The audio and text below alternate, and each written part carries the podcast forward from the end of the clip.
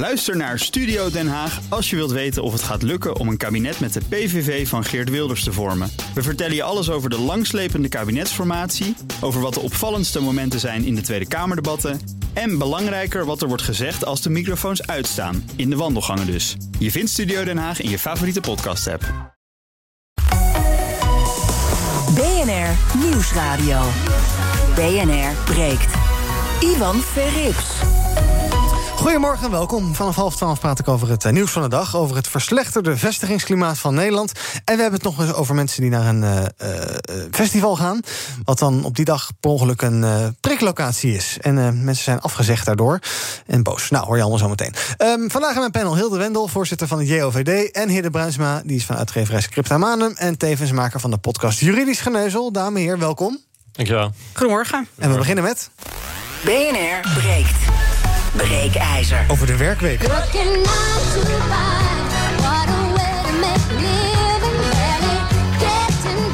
Breekijzer is vandaag. De vierdaagse werkweek moet een nieuwe norm worden. Want het kan helemaal anders, blijkt uit onderzoek dat in eh, IJsland is gedaan. Werknemers kregen daar hetzelfde betaald... en gingen vier dagen in plaats van vijf dagen werken. En wat bleek? Veel van hen schoven dan op van een soort 40-uurige werkweek... naar eentje van nou, 35 of 36 uur. En dat dan dus in vier dagen. Dus dat is per dag ietsjes langer, maar dan heb je wel een dag extra vrij. En de productiviteit die bleef gelijk of werd soms zelfs beter. Naar aanleiding daarvan uh, staan wetenschappers uit Groot-Brittannië... te om daarmee aan de slag te gaan. En wij bij BNR breekt ook, want wie wil dat niet? Minder werken met behoud van loon. Maar je moet wel even hetzelfde werk doen. Ons breekijzer vandaag is... de vierdaagse werkweek moet een nieuwe norm worden. Ik ben benieuwd hoe jij erover denkt. Je kan meepraten. Pak je telefoon en bel naar 020 468 4x0. 020 468 4x0. Ik zie Richard al hangen, die ga ik zo meteen aan het woord laten. Uh, maar ik kom graag met je in contact als je daarvoor bent... of ook als je daar tegen bent. Ik heb twee deskundigen meegenomen. Saskia Nijs, zij is expert op het gebied van uh, werk in de 21ste eeuw. Nou, dat komt goed uit, want dat is nu. En zij adviseert bedrijven daarover. En ook Daan Domen, die is oprichter en directeur van Lucy. Zij maken een app waarmee patiënten thuis allerlei waarden kunnen meten en kunnen doorgeven. Zij denken, wat heeft dat ermee te maken? Nou, zij passen die theorie van die vierdaagse werkweek al toe bij hun op kantoor. Saskia en Daan, goedemorgen. Goedemorgen. Uh, ik ga eerst een kort rondje doen. Even kijken uh, wat jullie uh, van ons breekijzer vinden. Dan een rondje in de studio en dan de bellers. Zo ongeveer ons spoorboekje voor nu. Saskia, wat vind jij? De vierdaagse werkweek moet een nieuwe norm worden. Absoluut. Waarom?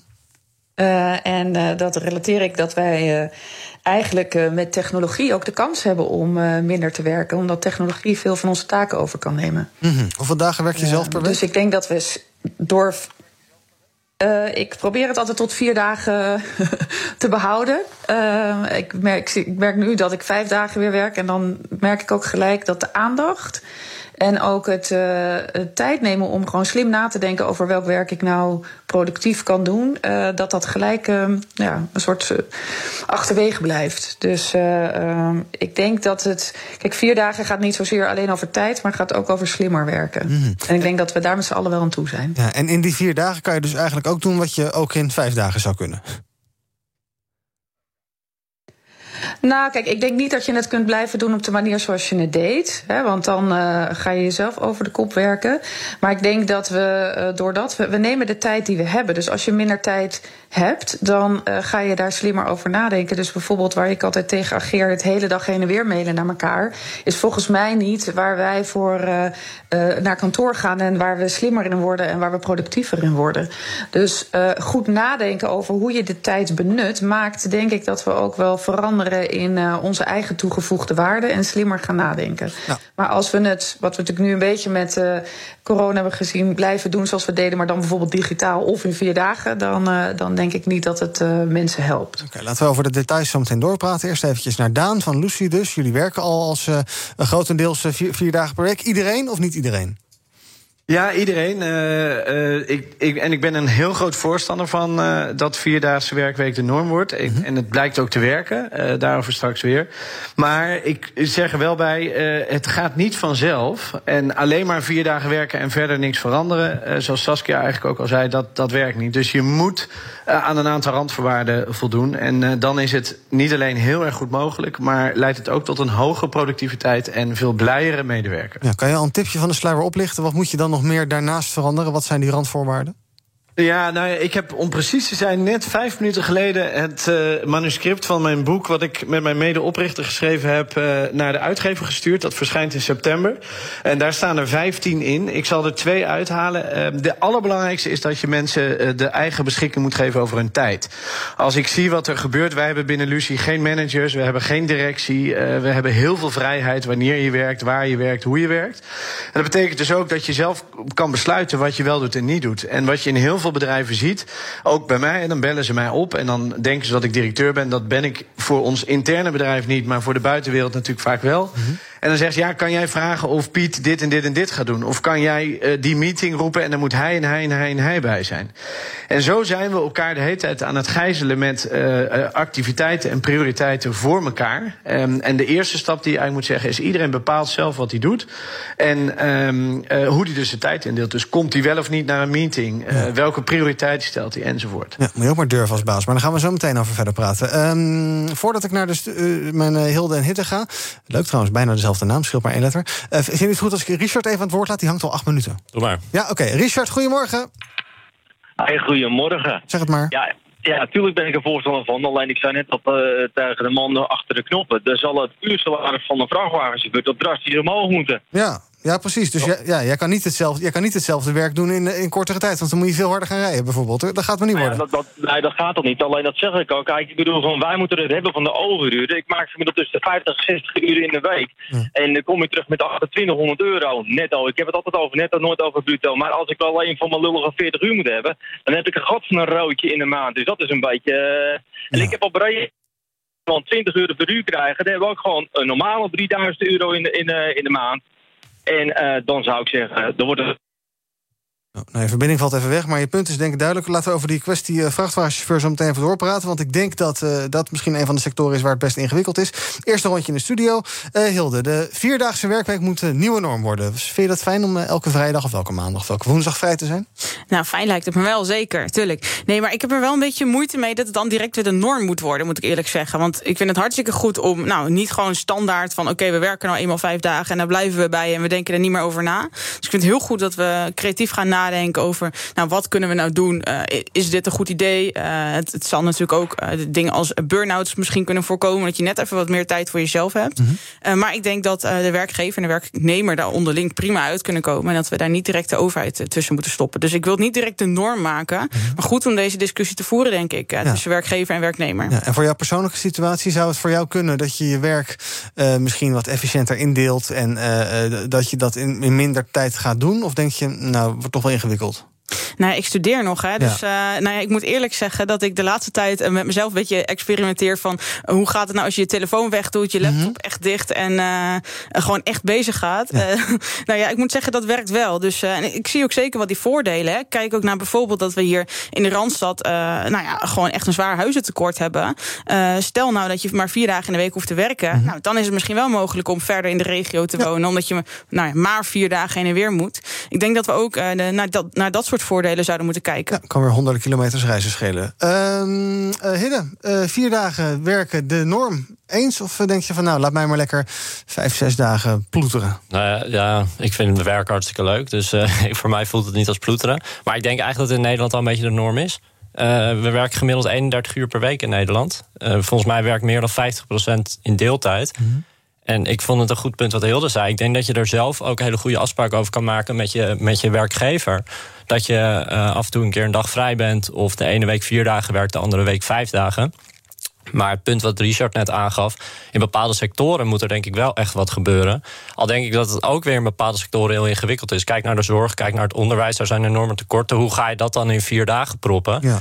Uh, moet je die mensen. Ik bedoel, je kan niet zeggen, ja, dan gaan we allemaal wel minder werken. Dus dan moet je in vier dagen hetzelfde aantal uur maken. Ja, ik vraag me af of dat dan echt helpt. Ja. Um, dus ik ben een beetje sceptisch om het de norm te maken. Ik denk dat dan een hoop mensen parttime werken. En dat, je, ja, dat het ook een, inderdaad een goede afspraak is tussen werkgever en werknemer samen. Ja, even een paar dingen voorleggen aan, uh, aan Saskia. Daarna ga ik Gert-Jan Bruins aan het woord laten. Wil je ook reageren? Pak je telefoon nu, bel 020 468 4 keer 0 Dus 020 468 4 keer 0 Ja, Saskia Hidde zegt uh, eigenlijk werken heel veel mensen al vier... of eigenlijk misschien wel minder dagen. Die werken al. De, de, de norm is helemaal niet 40 uur per week, vijf dagen werken. Nee, daar ben ik het mee eens. En ik ben het ook helemaal eens met uh, Hilde en Hidde die aangeven van moet het een norm worden en moet het gereguleerd. Dat denk ik niet. Ik denk wel dat je als organisatie daar een afspraak over moet maken. Want uh, het is best lastig om het voor de een wel en voor de ander niet te doen. Uh, en nogmaals, ik denk dat je naar een wat uh, groter niveau moet kijken waarom je het zou willen. als bedrijf, voor je medewerkers, maar ook denk ik voor je klanten en je productiviteit. -hmm.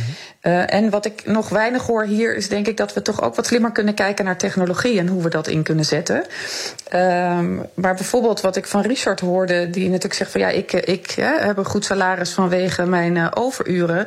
Ik zou met zo'n organisatie gaan kijken van waarom leef je, hè, waarom betaal je überhaupt nog op overuren? Dus je gaat andere discussies voeren. En ik vind niet het doel op zich van we gaan in één keer van vijf naar vier dagen. En dat doen inderdaad al heel veel mensen die, nou, die, die dat op hun eigen kosten doen.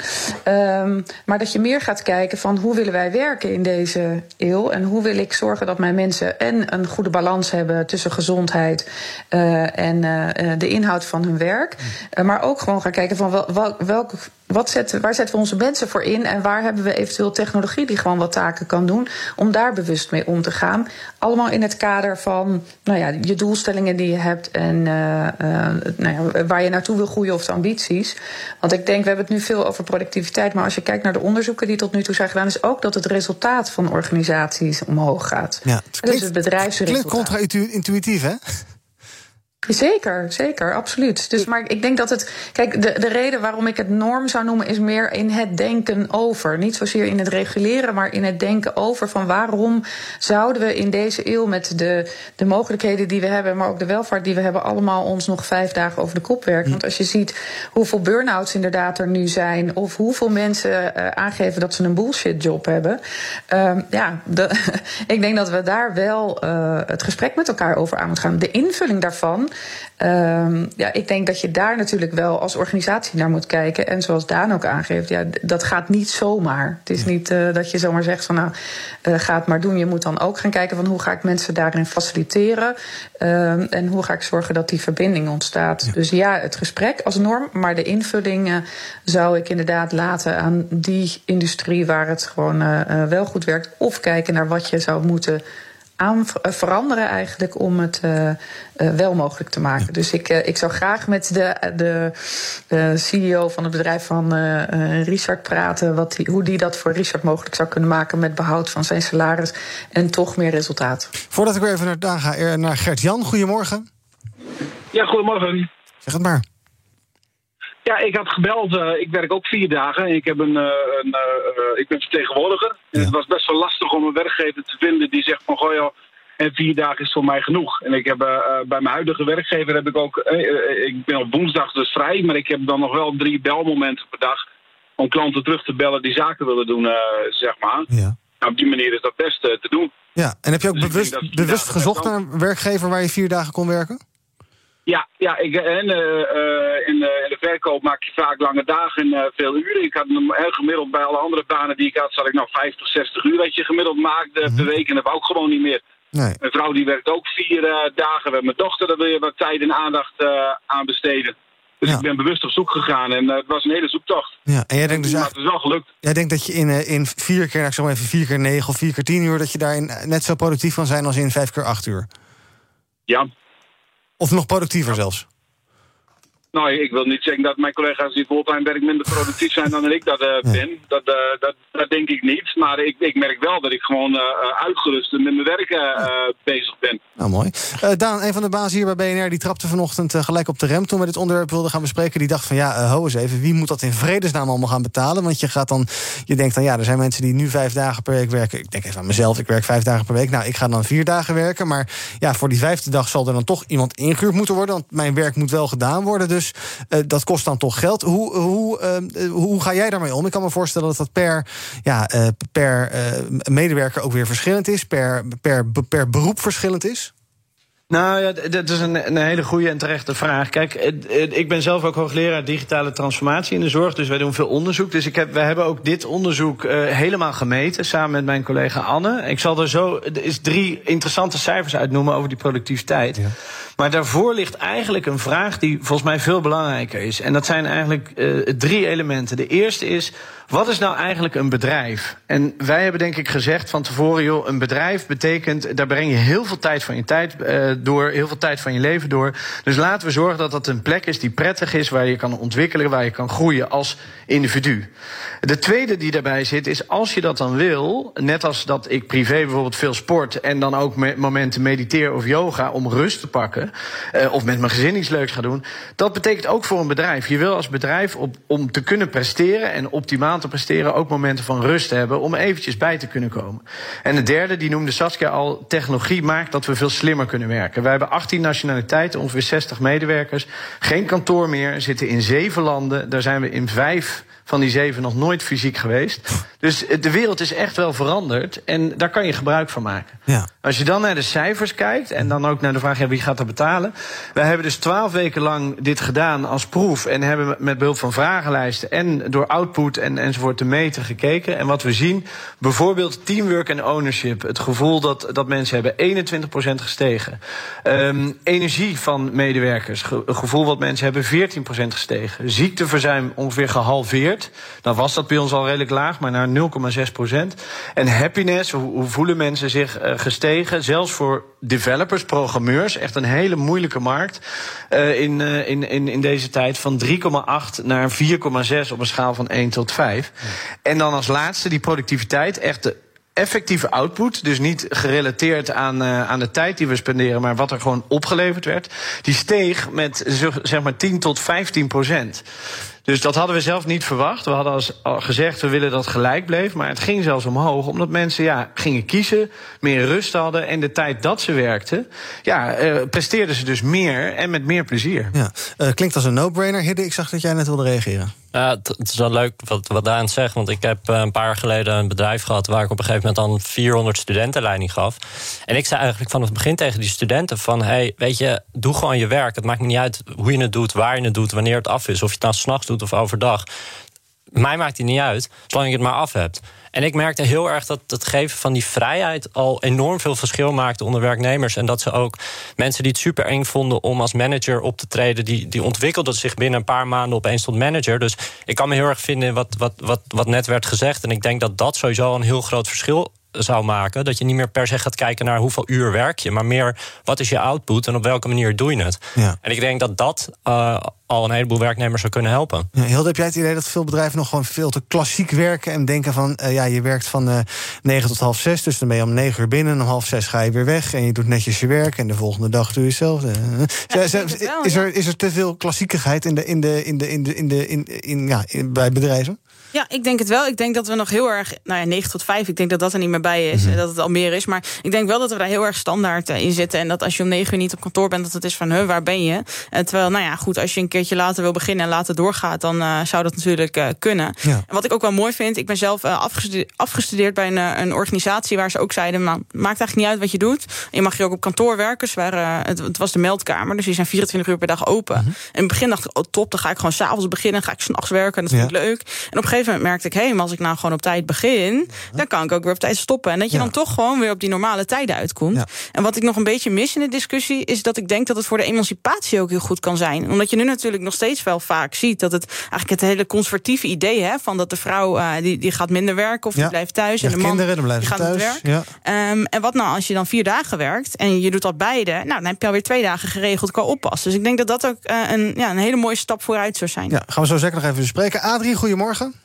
Nou, goedemorgen. Je maakt er gewoon uh, roosters van vier dagen. En die, tijds, die tijdsindeling vult dat zelf al in. Maar wat die vrachtwagenchauffeur zegt, dat hij continu 60 uur per week uh, rijdt, dat kan helemaal niet. Want je hebt in een vrachtwagen heb je zeg maar een boordcomputers, ja. dat is met taxichauffeurs ook. Tachograaf en je kan, je, nou, hoe je het noemt, noem je ja, het. ja. En die kan je, die, een taxi heeft een boordcomputer. En ook die hele flauwekul met die Uber, dat is flauwekul. Oh. Ja, maar dat, als je voor die, als die, die taxichauffeurs en de dienstverband, als die zelfstandigen voor die Uber een vereniging zetten, zetten dat ze hun eigen verenigen mm. als vereniging. En dan neem je af van, van welke provider je wil. Maar je, je kan wel zeg maar een, een, een, een, zeg maar een rooster maken van een aantal dagen per week, vier dagen per week. Wat die mevrouw zegt, dat de mensen hun eigen uh, gespannen of over de kop werken. Ja, dat werken de, de, tussen aanhalingstekens. Maar mensen zijn door een fout ritme, uh, raak je overspannen. Ja raak je overspannen. En daar heeft hij mevrouw hartstikke gelijk in. Maar die, die, die vrachtwagenchauffeur moeten stoppen met zijn onzin lullen. Ja, dus jij denkt dat het een nep vrachtwagenchauffeur is? Is gewoon een, ja, nou, nee, daar gaat het niet om. Maar dan mag je wel een elektromagneet op je versnellingbak leggen. Lijkt gewoon een politicus te zijn. Apparatuur in zit. Ja. Nou, laat uh, Richard, mocht hij het horen, mag hij nog even terugbellen. Kunnen we hem zo even aan het woord laten. Wat daar nou precies fout gaat. Of hij illegaal uh, heel veel kilometers te veel rijdt. Um, uh, dat emancipatiestandpunt wil ik nog even Saskia voorleggen. Is dat inderdaad zo dat als we met z'n allen misschien wat minder zouden gaan werken... dat je dan ook tijd creëert voor mensen die al willen werken... maar die nu niet helemaal aan de bak komen? Ja, absoluut. Ik denk zeker dat dat een heel goed punt uh, van Hilde om dat toe te voegen. Want ik denk zeker dat dat helpt. Daarom zie je ook dat dit soort uh, uh, manieren van werken in Scandinavië heel goed werken. Omdat het daar eigenlijk al veel gelijker is. Ook in dat wat je doet qua opvoeding versus qua werk. en ik vind gewoon ook daarin nu de hele corona en het thuiswerken... heeft volgens mij daar al een enorme draai in gemaakt. Omdat je toch ziet dat ook de mannelijke helft is gaan werken, thuis gaan blijven. En meer verantwoordelijkheid heeft genomen. En eigenlijk merkt dat dat best een mooie combinatie is. Uh, dus ik denk dat dat in, uh, in de totale uh, nou ja, dynamiek zeg maar, van, uh, van emancipatie wel heel goed kan, uh, kan helpen. En met name denk ik niet zozeer dat vrouwen dan meer kunnen gaan werken, ook, dat is prettig, mm. maar dat mannen dan minder gaan werken. Ja. Want dat is voor hen ook vaak nog een lastige discussie. Ik ken veel mannen om mij heen die vier dagen willen werken op hoog niveau, maar die dat er niet doorheen krijgen, want dat is gewoon niet, ja, zo doen we dat niet. Nee. Adrie? Ja. Onze frauduleuze vrachtwagenchauffeur is er weer. Richard? Ja, hij, hij lult onzin. Oh, waarom? Nou, hij, hij lult onzin, want als je de uitvaarden besluit... Ja, weet je wat het is, Adrie? Jij bent je, altijd... je liegt alles bij elkaar, jongen. Ja, en, en, en, en dat hoor je wel meer in radioprogramma's. En dan hoor je continu. Maar je hoort me mensen die, die zijn uit voor de psychiater. Oh, nou, oké, okay, hier houden we op, want dan wordt het niet zo aardig meer. Maar uh, Richard, uh, wil je nog even reageren? Ja, weet je wat het is? Ik denk dat deze meer gewoon eens met iemand moet gaan praten. Okay. Ik zeg dat ik, ik, ik heb gezegd dat ik tussen de 50 en de 60 uur maak. Ja. Ik heb niet dat ik tussen de 50 en de 60 uur rij. Ja, maar Adrie hoort ook alleen maar wat hij wil horen. En ik hoor hem al gelukkig niet zo vaak weer op Radio 1. Okay. Adrie. En uh, als je mij ergens van beticht, blijf gewoon even netjes praten. Ja. Maar je moet, ook niet meer, je moet ook niet meer naar Radio 1 luisteren. Er zitten weer allemaal zure mensen die daar bellen en luisteren. Dat moet je gewoon niet doen. Gewoon naar BNR luisteren, veel leuker. Oké, okay, tot slot van het uurtje wil ik nog even uh, Daan voorleggen. Um, als we nou uh, denken van nou, we gaan van vier dagen misschien iets meer de, de norm maken. Waarom zou het dan ook niet uh, drie dagen kunnen worden? Het is natuurlijk maar ook maar, ja, het is, het is ook maar een getalletje. Ja, nou ja, ik sluit niet uit dat dat misschien zelfs ook wel kunnen. Kijk, het gaat uiteindelijk niet om die exacte uh, dagen of uren. Waar het denk ik heel erg over gaat, is dat je als bedrijf, en, en daar heb ik wel nog een heel belangrijke tip voor mensen die hier wel wat mee willen. Mm-hmm. Maar dat je als bedrijf en als individu ook rustmomenten inbouwt om na te denken, om jezelf te ontwikkelen, om iets leuks te doen. En die zijn we natuurlijk in een maatschappij die maar door en door en door en door gaat. Ook in de weekenden, zeker mensen met kinderen. Uh, je rent maar verder van de, van de sportclub naar de zus, naar de zo. Is het gewoon heel erg belangrijk om even rust te pakken. Ja. Daarom, en dat is wel een, een, laatste tip die ik wel in ieder geval ter overweging wil geven. Wij hebben er vrij veel over gelezen, ook van, van anderen. En we kregen toch wel van iedereen het advies. Als je dan naar zo'n vierdaagse werkweek gaat en je werkt dus een dag minder met z'n allen, is het wel handig om dat op hetzelfde moment te doen. Mm-hmm. Uh, want anders blijf je elkaar toch weer lastigvallen met mailtjes enzovoort. Ja. Ja. En nou ja, het laatste, en dan pak ik toch heel even het momentje, maar voor wie het leuk vindt. Um, in september uh, verschijnt mijn boek samen met mijn medeoprichter. Dus volg me even op LinkedIn, Daan Domen, en dan uh, blijf je op de hoogte. Want we gaan alles wat we leren, ook wat niet werkt, want daar gaan we ook achter komen, gaan we zo open mogelijk delen. Ja, ik schrijf het factuurtje voor deze reclame even uit. En, ja? ja? ik wil ook nog promotie maken voor een boek waar oh, ik ja. zelf niks mee te maken heb. Okay, ja. uh, van uh, Hidde. Van Daan of niet? Nee, van, oh. van Hidde de Vries, Re Recharge heet het. Is Toch van Hidde, zeg maar. Ja, met geen. Uh, het is een maand geleden uitgekomen. En dat gaat heel erg over dat pakken van die rustmomenten. Ja, nou. En ik kan het aanraden aan, aan iedereen die, die nu tegen een burn-out aanzit. Van hoe doe je dat nou goed? Nee, tot slot, Saskia, zij wil heel graag het, het, hebben over technologische dingen. We hebben niet zoveel tijd meer. Maar kan je nog een paar praktische tips geven waarmee je nu al ja, zelf aan de slag kan om je werktijd iets efficiënter in te delen? Nou, uh, ik zou beginnen met inderdaad uh, niet meer uh, heen en weer gaan mailen. Ja. En bedenken hoe je een samenwerking goed tot stand kan, kan brengen. Er zijn genoeg samenwerkingstools voor die je kunt gebruiken. Maar ik denk dat we daar in efficiëntie met elkaar enorm kunnen winnen. en daarnaast zie ik dat het als een soort um, methode wordt gebruikt. Van als je mensen vraagt aan het eind van de dag heb je je werk af, dan zeggen ze ja, mijn inbox is leeg. Mm -hmm, ja. Volgens mij is dat niet waar je als organisatie uh, je mensen op wil inzetten. Dus uh, begin daar gelijk mee, in ieder geval daarover na te denken hoe kunnen we dit anders organiseren. Dan kan je ook inderdaad zorgen, wat Daan zegt, dat je elkaar niet heel erg lastig valt op de momenten dat jij iets aan het sturen bent en de ander het niet wil ontvangen. Um, Misschien als dus ik denk dat juist in die combinatie misschien als werknemer vaste momenten plannen om je mail te checken. Dus bijvoorbeeld ja, elke dag tussen 12 en half 1 en elke dag tussen 5 en half 6. En de rest van de dag ben je niet bezig met je mail, want anders word je constant het afgeleid. Alright, dank jullie wel. Saskia Nijs, expert op het gebied van uh, werk in de 21 stil. En Daan Domen, die is oprichter en directeur van Lucie. Althans, directeur is alleen naar buiten, naar binnen blijkbaar niet. En uh, misschien ook een tip voor alle leidinggevenden. En ja, denk er eens aan ook om daarover te praten met je werknemers. Ik denk dat het op die manier makkelijker is dan dat je als individu naar boven moet gaan zeggen: van, ja, kunnen we het even hebben over mijn werkweek? Nou ja, goed, dat dus. Zometeen gaan we het hebben over het nieuws van de dag. Over het Nederlands vestigingsklimaat. Want daar gaat het blijkbaar helemaal niet goed mee. Er trekken wat clubjes aan de bel. En we moeten leren leven met het coronavirus. Hoe dan? Of ja, moeten we ons er niet zomaar bij neerleggen? Hoe gaan we daarmee om? Zometeen een BNR breekt tot zo. Ook Harm Edens vind je in de BNR-app. Je kunt BNR Duurzaam niet alleen live luisteren in de app, maar ook terugluisteren als podcast, zoals al onze podcasts. En naast dat de BNR-app Breaking News meldt, houden we je ook op de hoogte van het laatste zakelijke nieuws. Download nu de gratis BNR-app en blijf scherp. BNR Nieuwsradio. BNR breekt. Ivan Verrips. Met vandaag in mijn panel Hilde Wendel van de JOVD... en Hille Bruinsma van de podcast Juridisch Geneuzel. We bespreken het nieuws van de dag zometeen over Groot-Brittannië.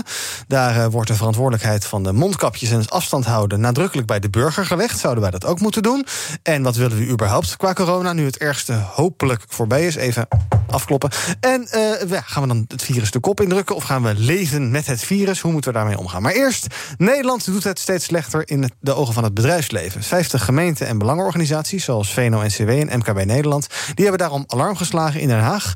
Onder meer op het gebied van uh, onderwijs, de woningmarkt en infrastructuur... zijn er zorgen en dat zou slecht zijn voor ons vestigingsklimaat. En dus gaat er een brief naar informateur Hamer... want die kan dat blijkbaar allemaal oplossen. Luister even mee naar Jacco Vonhof, voorzitter van MKB Nederland... die vertelt waar de pijn zit. We hebben eigenlijk zes terreinen uh, gedefinieerd... Uh, waar we als Nederland altijd heel hoog scoren. En over het algemeen ook goed in de lijstjes staan. Maar ja, die lijstjes die kijken terug... Onze zorg is dat, uh, dat we op al die lijstjes achteruit aan het uh, kachelen zijn.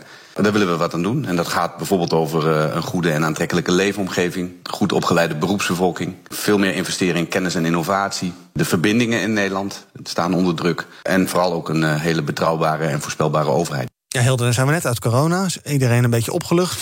We leven nog, de economie draait nog. Nou, maken deze mensen zich zorgen om al dit soort dingen? Zie jij ook een reëel gevaar? We wonen toch in het mooiste land van de wereld? Nou ja, zoals Mark Rutte zou zeggen, het is natuurlijk een gaaf, land, hè, hier. nee, ja, goed, kijk, ja, ik blijf altijd wel een beetje optimistisch natuurlijk. Het is een gaaf land, maar ik denk dat het goed is om ook kritisch te zijn... en te kijken van wat gaat er wel goed, maar zeker ook wat gaat er niet goed. Uh, of wat zou in de toekomst niet goed kunnen gaan. Dus ik denk dat het goed is om er altijd uh, kritisch naar te blijven kijken, zeker. Uh, en als ik bijvoorbeeld ook naar het onderwijs kijk, dat las ik ook in het artikel... nou, ik was wel ja, eigenlijk wel een klein beetje blij dat het ertussen stond. Klinkt misschien een beetje gek, maar we hebben natuurlijk constant constant die discussie over de basisbeurs moet, uh, moet terugkomen. Terwijl er ongelooflijk veel mensen steeds gaan studeren, juist meer. Um, en dan denk ik, nou ja, goed, laten we dan eens met z'n allen in discussie gaan over de kwaliteit van het onderwijs. Mm -hmm. In plaats van de basisbeurs bijvoorbeeld. Uh, en ik denk dat er nog heel veel andere uh, dingen in staan waar terecht zorgen over zijn. Dus ik zou de, le de lelielijn wel weer graag willen opgooien. Ik denk ja. dat dat ook belangrijk is voor de bereikbaarheid. En ik denk dat het goed is inderdaad dat soort vernieuwingen toe te passen. Ja, Hede, zie jij structurele problemen? Want inderdaad, we willen toch met iedereen wil toch goed onderwijs voor, voor kinderen en goede infrastructuur voor ons Nederlanders. En niet, is dat ook per se om bedrijven naar Nederland te lokken? Is dat heel belangrijk als doel? Ja, ik, ik, ik denk dat Nederland interessant genoeg is voor bedrijven. Ik vond het nogal een waslijst met met dingen, Ja, eigenlijk. klotenland leef je dus. Bedoel, als je dit leest, dan denk je dat we echt in een soort derde, derde wereldland wonen. En ik denk dat het hier echt prima geregeld is allemaal. Eh, ik vind het heel moeilijk in te schatten. Ik, ik, ook juist omdat het over zoveel verschillende onderwerpen gaat. Kijk, wat Hilde net al zei, het onderwijs, ja, het staat echt onder druk. Het zou echt goed zijn als daar meer in geïnvesteerd wordt. Maar het is natuurlijk wel weer de tijd van lobbyen. Ja. Eh, de formatie die, eh, die begint een beetje. Dus eh, ja, de potjes worden misschien een beetje verdeeld. Dus iedereen die meldt zich wel voor geld. En dat, merk, dat het idee heb ik dan wel van ja. Je, je, je gooit zo'n waslijst over de schutting. Maar is het wel helemaal de goede. Ja, is, klopt het ook wel helemaal? Ja, dus het sluit niet helemaal aan bij jullie gevoel van Nee. urgentie Nee, nu. in- in Er- wordt, er wordt een noodbel geluid, maar Ik bedoel, we komen net, wat je net al zei, we komen net uit corona. Eh, er zijn nu problemen met eh, dat de economie weer te hard groeit en dat er geen mensen gevonden kunnen worden. En dan, dan denk ik, ja, jeetje, man, dan moeten we het hier weer over gaan hebben. Dat er weer een hele waslijst aan dingen dat er niet genoeg in geïnvesteerd wordt. Dus ja, nou, ik word er wel een beetje moe van eigenlijk. laten we merken door lobbyen dan. Eh, we moeten het ook nog even hebben over corona. Want terwijl de Delta-variant eh, flink om zich heen grijpt in Engeland... is het volgens premier Johnson tijd dat de Britten leren leven met het virus, zei hij. To those who say we should delay again, the alternative to that is to open up in winter or not at all this year. And so let me set out today our five point plan for living with COVID. First, we will reinforce our vaccine wall. Second, we will change the basic tools that we have used to control human behavior. We'll move away from legal restrictions and allow people to make their own informed decisions about how to manage the virus. Ja, dus alle limieten gaan daar weer weg. Open groepsgroottes en dat soort zaken. Alle zaken gaan open, ook de nachtclubs. Eh, de mondkapjes, daar gaat de verplichting van weg. Ik geloof zelfs in het openbaar vervoer, alhoewel het openbaar vervoer er nog wat vragen bij heeft. Ook daar eh, geen afstandsregels meer. En Johnson zegt eigenlijk, joh, je weet inmiddels zelf wel wat verstandig is en wat niet. Eh, met z'n allen heel dicht eh, gepakt in een zaaltje staan eh, zonder eh, eh, de luchtcirculatie. Dat is niet zo handig. Eh, ga er maar verstandig mee om. Eh, Hilde, is dit denk je een, eh, een, een, verstandige, nou, een verstandige zet van Johnson? Of misschien ook een beetje naïef, ook als hij misschien kijkt naar wat hier gebeurt? Ja, nou, ik vind het inderdaad wel een beetje naïef. Kijk, in mijn eh, utopische, liberale samenleving, zeg maar, zou het natuurlijk perfect zijn. Hè? Alleen wat gewoon lastig is in deze pandemie, is dat jij eh, door zelf eh, je wel of niet aan bepaalde regels te houden, daarmee ook de veiligheid van een ander beïnvloedt. Dus als ik denk van, nou, ik neem dat risico, dat wil ik zelf nemen, dan kan ik daarmee jou in gevaar brengen. En dat blijft natuurlijk nog wel een uitdaging. Maar goed, je ziet dat ook al zijn de besmettingscijfers weer, eh, die, die lopen weer hard op, zie je dat het aantal ziekenhuisopnames toch nog achterblijft. En dat komt natuurlijk door die vaccinaties. Eh, en ik denk inderdaad wel dat we echt serieus moeten gaan kijken van nou, hoe lang gaat dit nog duren? Want je kunt niet eeuwig de samenleving op slot houden natuurlijk. Hè. Eh, mensen houden dat niet vol en je hebt meer dan alleen gezondheid wat dat betreft. Maar goed, dan moet je er inderdaad wel voor zorgen dat de zorg het aan kan. Dus het is, nou, het is wel een beetje een, een experimentje, heb ik het idee. Ja, ehm, Johnson gaat misschien nog wel iets verder dan bij ons. Bij ons was er ook veel kritiek op, hè, dat we in één keer heel erg versoepelen. Nou, bij Johnson geldt dus ook die in het Verenigd Koninkrijk die afstandsregels niet meer. Ehm, eh, is dat, is dat, baart jou dat zorgen? Nou, ik vind het wel een beetje naïef om te denken dat iedereen wel voor zichzelf kan bepalen van wanneer je wel een mondkapje op moet en wanneer niet. En wanneer je afstand moet houden. Ik denk wel dat het goed zou zijn om bepaalde regels te hebben. Zoals in het OV doe je gewoon een mondkapje op en hou je afstand. Uh, en ik vind eigenlijk dat we hier al best wel snel gaan als ik nu in de supermarkt kom en mensen lopen gewoon zo tegen je aan zonder mondkapje. Ja. Dan denk ik ook al van ja, jongens, gaan we niet een beetje rap. Ja. Nachtclubs allemaal weer open. Iedereen die gewoon weer dicht tegen elkaar staat. Dus ja, ik, ik vind dat ze erg snel gaan. Um, ik hoop heel erg dat het goed gaat. Het zou te gek zijn. Mm -hmm. Maar ik ben best wel bang dat we straks uh, uh, toch, toch weer een hele hoop besmetting hebben. En misschien dat de ziekenhuisopnames dan uh, meevallen. Maar ik vind dat ze vrij snel gaan. Ja. Dragen jullie nog mondkapjes in de supermarkt? Nee, dus dat, dat, dat is ook. Ja. Een beetje, beetje hypocriet misschien. Nee, helemaal niet. Ik was gewoon benieuwd. Ik was afgelopen uh, zondag in een paar kledingwinkels. En dan denk je ook wel eens van ja, het is eigenlijk wel een beetje druk. Ik zou nu misschien weg moeten gaan. Maar ja, uh, doe je dat dan? Nee, ja, ook weer niet. Ja. Nee, ja. Dus het is ook heel lastig om te, om te bedenken wat nou verstandig is en wat maar dat niet. Dat is dus die eigen inschatting die je dan ja. moet maken. Ja ik, ja, ik weet niet of. Je kan, het is zelfs heel moeilijk om dat op dat moment ook dan te bepalen voor jezelf. Ja. Dus ik, ik vind dat wel een beetje kort door de bocht. Ja. Laten we even kijken naar de politieke strategie in ons land. Die was heel lang. We gaan de zorg ontlasten. Uh, en natuurlijk voorkomen dat mensen overlijden en dergelijke. Nou, dat is voorlopig lijkt het redelijk gelukt. We moeten nog maar even zien hoe het in het najaar gaat. Uh, met die Delta-variant. Aan de andere kant, de besmettingscijfers lopen op de afgelopen dagen. Als je kijkt naar de voorspellingen, dan zitten we in no time weer op uh, 2000 besmettingen per dag. Maar ja, de vraag is een beetje, hoe erg is dat eigenlijk? Want ja, als die mensen allemaal niet in het ziekenhuis terechtkomen... Um, waar, waar moet het kabinet nu op sturen? Ik heb het idee dat het een beetje stil is vanuit Den Haag. Dat de strategie nog steeds is, we gaan de zorg ontlasten. Dat is gelukt. Wat nu? Hilde, help ons. Ja, nou goed, waar ik me heel erg zorgen om maak, hè, is dat testen voor toegang. Want tuurlijk, eh, ik ben hartstikke blij hè, dat we weer de kroeg in kunnen. En uh, ik denk ook dat juist voor die ondernemers het zo verschrikkelijk zwaar is geweest. Uh, want nou, die hebben gewoon echt, echt uh, met afstand het langste niet open gekund. alleen wat ik nu wel dus zie, is dat dat testen voor toegang eigenlijk, ja, sorry dat ik het zo, zo hard zeg, maar echt voor geen meter werkt. Hm. Uh, want wat je ziet is, uh, je krijgt bijvoorbeeld op maandagmiddag je Janssen-vaccin ingespoten. Uh, die ene prik. Nou, die werkt pas na, ik geloof, twee weken. Maar s'avonds heb je je vaccinatiebewijs al op je QR-code. Dus dan sta je lekker in de kroeg. Ja. en wat je nu ziet is dat er toch, nou overal kan ik denk ik wel zeggen, gewoon brandhaarden zijn. Um, en dat vind ik wel lastig. Want tuurlijk ben je blij dat, je, dat het allemaal weer open kan. En ik sta daar ook zeker achter. Maar ik denk wel dat je dan ook moet zorgen dat als je dat testen voor toegang dan doet, mm -hmm. dat je dan ook moet zorgen dat dat werkt. En dat je niet kunt zeggen, ja, dit is een private organisatie. Nee, die krijgt op dit moment zo'n grote rol. Dan moet je zorgen dat het klopt. Dus ja. ten eerste dat je niet te vroeg dat vaccinatiebewijs krijgt. Mm -hmm. uh, ten tweede ook dat überhaupt die, die testen werken. En ten derde dat er natuurlijk uh, handhaving op is. Uh, ja. dat, dat, dat het ook wel gecontroleerd wordt. Ja. Want wat je nu ziet is dat ze tot een uur of één voor de deur staan. En dan gaat de bewaker weg. En dan zit iedereen binnen. En dat is natuurlijk ook heel oneerlijk voor de jongeren die daar staan. Die zich veilig wanen eigenlijk. die daarmee echt de dupes zijn. Dus ik zou ook voor die jongeren echt op willen komen. Oké, okay, dat is voornamelijk testen voor toegang. Maar het grotere, het grotere be beleid, waar, waar varen we op? Wat is ons doel nu eigenlijk? Is dat uh, uh, nul coronabesmettingen? Of is dat, uh, ja, maakt het niet uit hoeveel besmettingen zijn... zolang die ziekenhuizen maar niet, maar niet volstromen? Ik zou dat zeggen, ja. Ik denk dat dat het belangrijkste is. Ja, maar dan gewoon een leven weer oppakken, denk ik... met zo min mogelijk restricties, mm -hmm. terwijl je de zorg nog behapbaar... Corona gaat nooit meer weg. Nee, en, nee maar als je dan... Maar goed, ik heb wel mensen die krijgen long-covid-klachten... dus die ja. zitten dan heel lang met allerlei klachten, nog Ja. Uh, dan krijg je misschien binnenkort dat je weer 30, 40.000 besmettingen per dag hebt of iets dergelijks.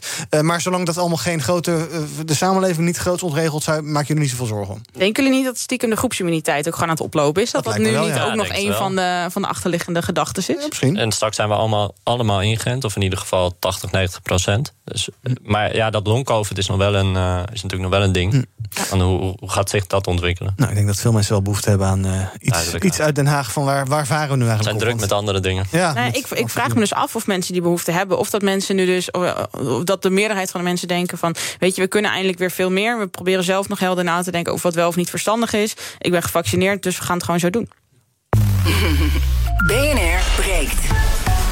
Zometeen naar het uh, uh, eigen nieuws van Hidde. Uh, we hebben jouw nieuws al een beetje besproken. Hè? Dat ging over testen voor toegang, Hilde.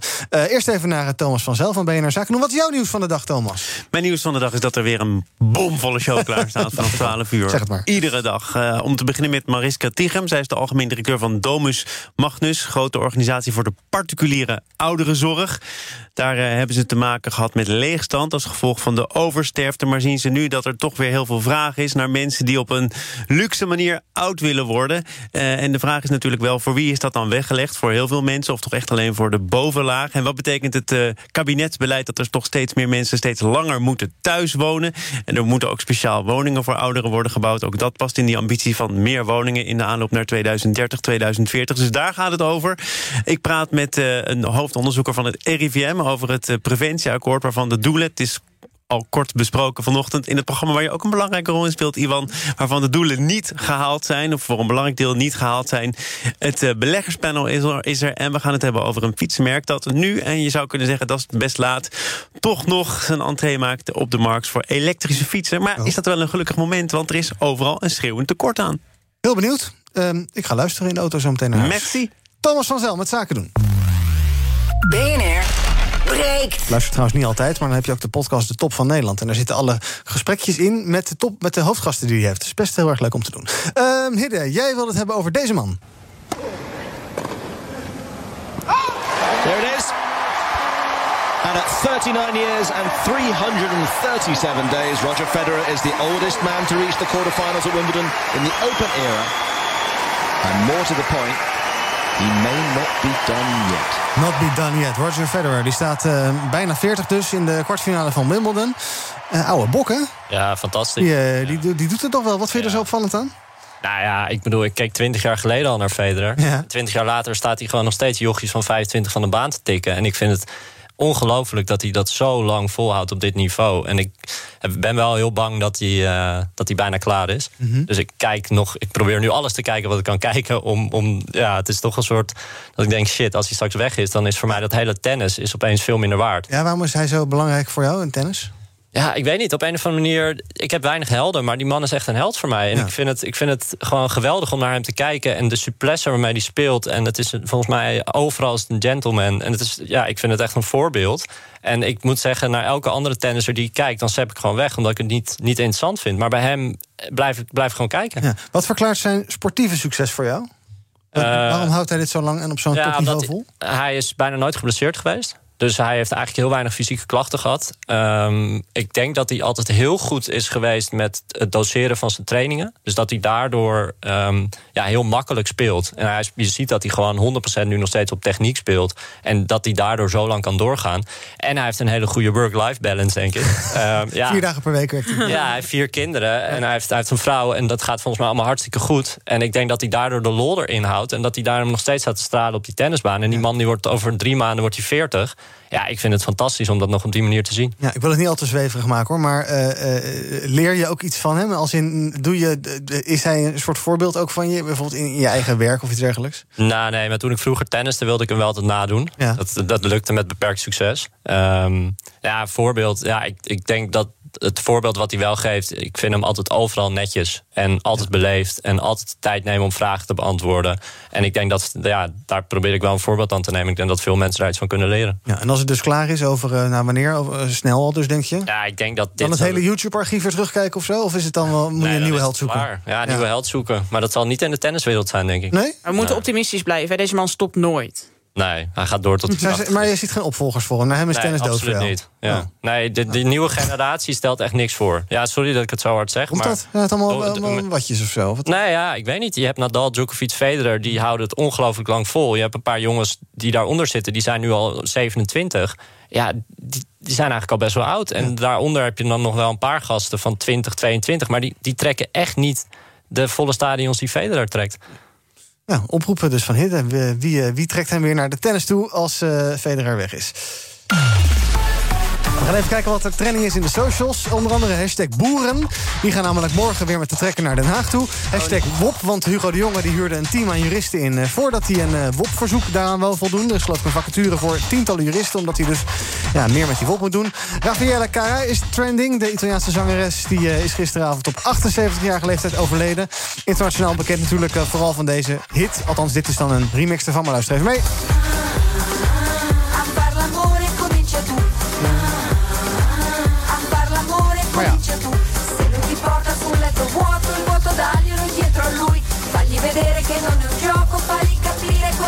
Maar ja, die is dus niet meer. Jij wil nog even, ik, ik hoorde je halverwege reageren op iets, eh, Hilde. Oh, was vast niet interessant. Boeren. Oh ja, de boeren. Ja. Ja, kijk, ik. Moest jij zuchten? Ja, nou eerlijk gezegd wel. Kijk, ik kom natuurlijk uit Drenthe. Dus de Ja. eerste keer eh, dat de boeren eh, je naar het Malieveld gingen, toen was ik heel, heel blij. Alleen ondertussen kan ik iedere keer niet naar kantoor fietsen. Dus dan denk ik iedere keer, ja jongens, het, het zit er weer niet in vandaag. Dus eh, het was zo lekker rustig de laatste tijd. Ja, maar wil jij nou het grondrecht op demonstreren, die boeren ontzeggen? Of niet? Nee, Oh, absoluut niet. En ze hebben ook groot gelijk natuurlijk, hè? dus laat dat duidelijk zijn. Goed zo. Tot slot van deze uitzending gaan we het nog even hebben over het volgende. Ehm, van priklocatie naar potentiële coronabrandhaard. De vaccinatielocatie op de NDSM-werf in Amsterdam... die gaat het weekend van 31 juli dicht... om daar plaats te maken voor twee festivals. Dit is eh, een van de artiesten die zaterdag optreedt op Pleinvrees. Fijn overheen praten, dus leuk met de muziekje. Toch, Iwan? Ja, daar kom ik zo op terug, inderdaad.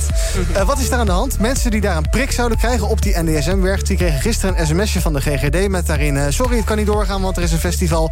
en eh, maak zelf maar een nieuwe afspraak. Groetjes, dat was een beetje parafraserend wat erin stond. Nou, ophef alom, want gaat feesten nou voor prikken? Ja of nee? Ik praat erover met Jasper Goosen, die is van Apenkooi Events... het bedrijf achter onder andere Pleinvrees. Goedemorgen, Jasper. Goedemorgen. Ik heb een kaartje voor Pleinvrees. Ik heb het beetje idee dat ik nu een hufter ben... omdat mensen nu geen prik kunnen halen, want ik wil feesten. Ja, Nou ja, in ieder geval goed dat je een kaartje hebt. Ja, maar ben ik een hufter? Nee, natuurlijk niet. Oh. Ben je geschrokken, van het nieuws? Wist je dat dit speelde? Ehm, nou, ik ben, ik ben vooral verbaasd eigenlijk over het nieuws. Ehm, het- dit is natuurlijk niet eh, helemaal echt gelopen. Het werd gisteravond eh, werd het niet helemaal juist geprojecteerd in, in het nieuws. Maar het was ook niet echt tijd om dat op de juiste manier eh, eh, eh, toe te lichten. Maar we hebben van tevoren gewoon hele duidelijke afspraken gemaakt met eh, eh, de NISM. En de GGD heeft er ook hele duidelijke afspraken over gemaakt. Ehm, want ik hoor heel, de hele tijd geluid in mijn oor. Iemand anders die er doorheen praat, overigens. Oh, dat is wel een beetje raar, maar ik, ik hoor jou Een beetje wel. storend. Ja, oké. Ehm, Richard. En waar- waarbij er heel duidelijk is ge- eh, eh, geweest voor GGD... dat als we voor deze locatie zouden kiezen... Dat, eh, dat op deze data in ieder geval de festivals door zouden gaan. Ja. Er waren ook andere locaties waar ze voor hadden kunnen kiezen. En dat hebben ze niet gedaan. Dus die, die afspraak was gewoon duidelijk. En eh, we hebben inmiddels GGD ook gesproken. En die, die zeggen ook van nou, het is gewoon een ongelukkige fout. Ja. Mensen die op deze locatie stonden aangemeld voor deze data... die hadden op een andere locatie aangemeld moeten zijn geweest. En die, die, hun hun eh, eh, afspraak blijft ook gewoon staan. En eh, die gaat eh, op een andere locatie plaatsvinden. En daar krijgen de mensen ook automatisch bericht van. Dus eh, volgens mij eh, valt het allemaal wel mee uiteindelijk. Is het ook niet een beetje goede promotie voor je?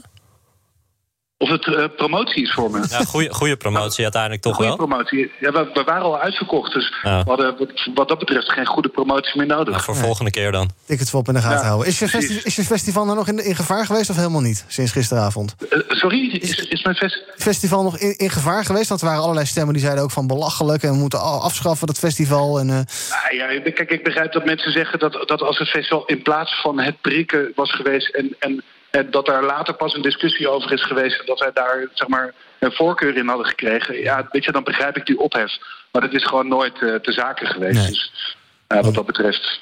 ongelukkige samenloop van omstandigheden vanuit de. GGD dus. Is, ik Ja. zat nog te denken, is het niet eh, misschien te combineren... dat je je prik komt halen onder het genot van een achtergrondmuziekje? Doen ze in de VS ook, hè? Dan kan je allerlei dingen, krijg je allerlei dingen gratis en winnen en zo. En dat is misschien wel een leuke, leuke combi.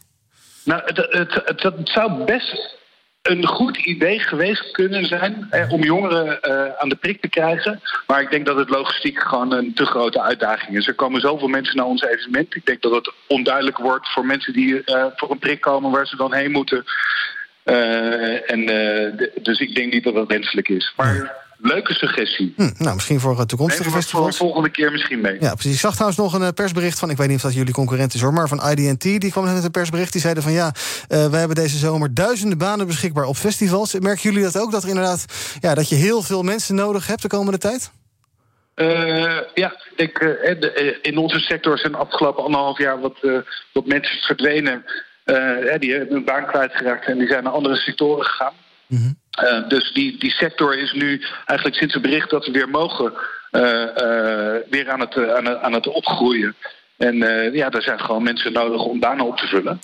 Ehm, eh, dat festivalseizoen komt in één keer vanuit het niets, komt dat heel snel. Ja, dus het is ook logisch dat die druk op, op- mensen nu heel groot is. Dus ook een oproep aan iedereen. zoek je nog een leuke bijbaan ook, voor in het weekend. Eh, meld je aan, je kan je ook bij ons aanmelden. We hebben echt eh, van alles nodig. Mensen achter de bar, beveiligers. Maar eh, nee, eh, eh, op zich eh, verwacht ik wel dat het gewoon goed komt deze zomer.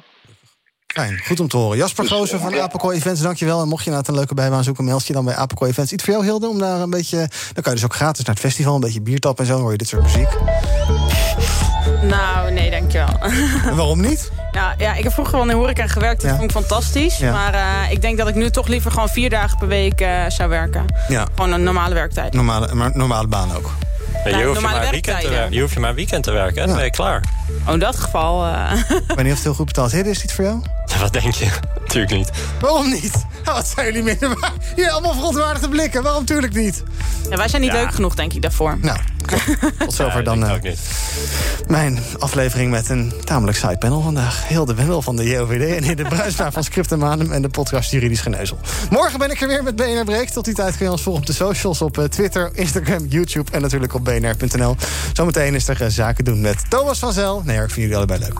Ja, toch wel? Ja, zijn ja, we, kom niet meer hoor. Zijn we oké? Okay? Oh, okay. we haken beide af nu. Oh, we gaan ook, jullie gaan ook al ruzie maken. Eerst dat twee bellers de ruzie maken. Wij houden het wel netjes hoor. Nou, nu stoppen we ermee. Tot morgen. Ook Bas van Werven vind je in de BNR-app. Ja, je kunt live naar mij en Iwan luisteren tijdens de ochtendspits. Je krijgt een melding van Breaking News. En niet alleen onze podcast Ochtendnieuws, maar alle BNR-podcasts vind je in de app. Download nu de gratis BNR-app en blijf scherp.